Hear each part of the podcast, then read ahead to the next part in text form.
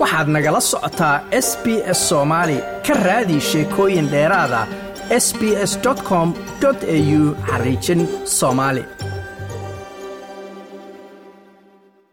ururka caafimaadka adduunka ee w h o loo soo gaabiyo ayaa ku dhawaaqay in dhammaadkii faafka covid nka uu soo dhow yahay laakiin wuxuu ururku ku boorinayaa dalalku inay sii wadaan dadaalada lagula dagaalamayo caabuqan iyadoo hadda tirada dadka caalamka oo dhan ugu dhinta caabuqan uu yaraanayo ama hoosu dhacayo inkasta oo hadalkan ka soo yeeray w h o dadka qaar ay war fiican u arkaan.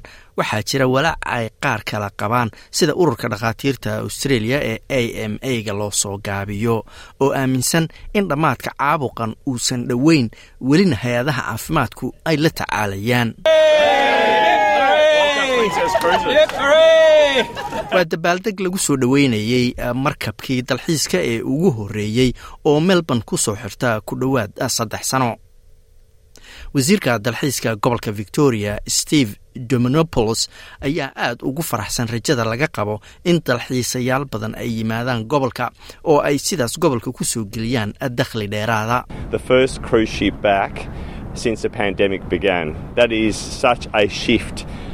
in markabkii dalxiiska ahaa ee ugu horreeyey sidii faafka u bilowday uu yimaado waa isbeddel. Marka laga fiiriyo rajada fiican ee la qabo iyo in dalxiisayaal badan oo caalamka ka yimid lagu soo dhoweeyo halkan.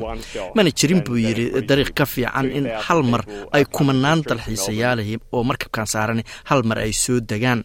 Laba kun oo qof ayaa ka soo degay melbourne ayuu yidhi. Waa calaamad kale oo muujinaysa in noloshu caadi ay ku soo noqonayso iyadoo madaxa w h o dor tetros gebresiases uu isaguna rajo fiican markaasi muujiyey.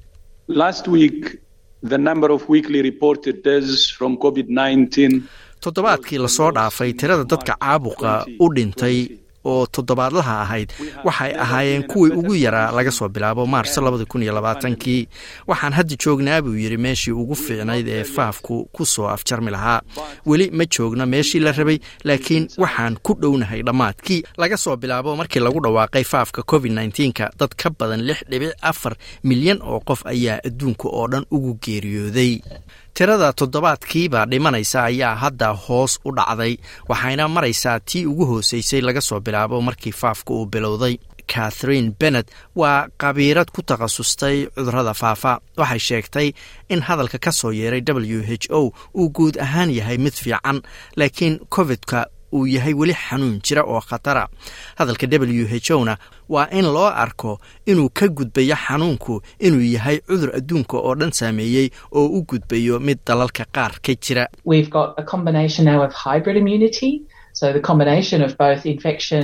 Waxaanu hadda qabnaa laba difaac oo mid yahay in dadka uu in badan oo ka mida ku dhacay iyo in dadka intooda badan ay tallaalan yihiin. Marka waxaan rajaynaynaa inaannu meel fiican joogno oo aan faafkiisa meel hoose ku hayn karno. Innaga oo eegayna in omicron iyo noocyo kale oo caabuqan aanu markaasi ka caawin karno caalamka. Australia waxay tirada ugu badnayd ugu dhinteen covid-ka sanadkan sidii uu faafku u bilowday iyadoo afar iyo toban kun iyo shan boqol oo qof ay u geeriyoodeen xanuunka ururka dhakhaatiirta australia ayaa sheegay in marka la eego waxa socda in dhammaadkii covid nka uusan dhoweyn. Ku-xigeenka ururkan waa aditoresa daniela macmillan ayaa sheegtay in nidaamka caafimaadka dalku uu weli la tacaalayo xanuunkan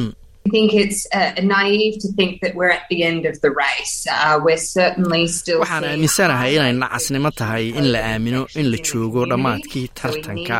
weli waxaan aragnaa tiro badan oo caabuqa la ildaran oo bulshadeenna ka mida marka waa inaan dadka xanaanayno iyadoo nidaamkeenna caafimaadku awalba culays uu hayey oo ay noqotay inaannu fulinno qaliinno hore dib loogu dhigay sannadihii la soo dhaafay. madaxa macadka banet institute brendan crab ayaa ka cabsi qaba in maadaama aan loo sinayn helidda tallaalka ay keeni karto in dalalka qaarkood ay noqdaan kuwo u nugul covid nka oo weli markaasi ku sii daba dheeraada. Dad ka badan laba bilyan oo adduunkaoo dhana weli xataa ma ay qaadan hal tallaal. aniguna waxaan qaatay afar tallaal. ma aha wax la aqbari karo marka laga eego dhinaca cadaaladda iyo niyad ahaanba ama qalbi ahaanba. marka waa gool ay iska dhaliyeen dalalka doonaya inay soo afjaraan covid nku sababtoo ah ma dhammaan karo covid nku ilaa dal walba uu ka dhammaado bilowgii waanu aragnay intaasi sax ahayd. Maantana taas ayaa weli xaqiiqa dor gabrisiases ayaa dalalka caalamka ku boorinaya in hadda la joogo wakhtigii la adkayn lahaa siyaasadaha la xiriira covid nka iyo caabuqyada kale ee ay dhici karto mustaqbalka inay soo baxaan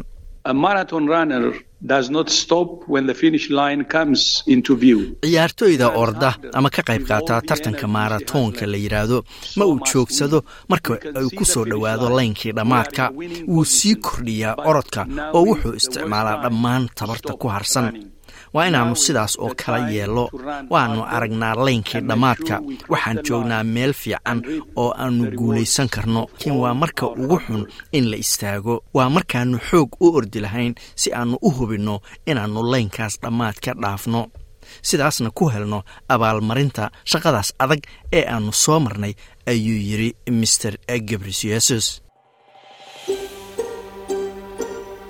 ma doonaysaa sheekooyinkan oo kale ka dhegayso apple podcast google podcast spotify ama meel kasta oo aad bodkastigaaga ka hesho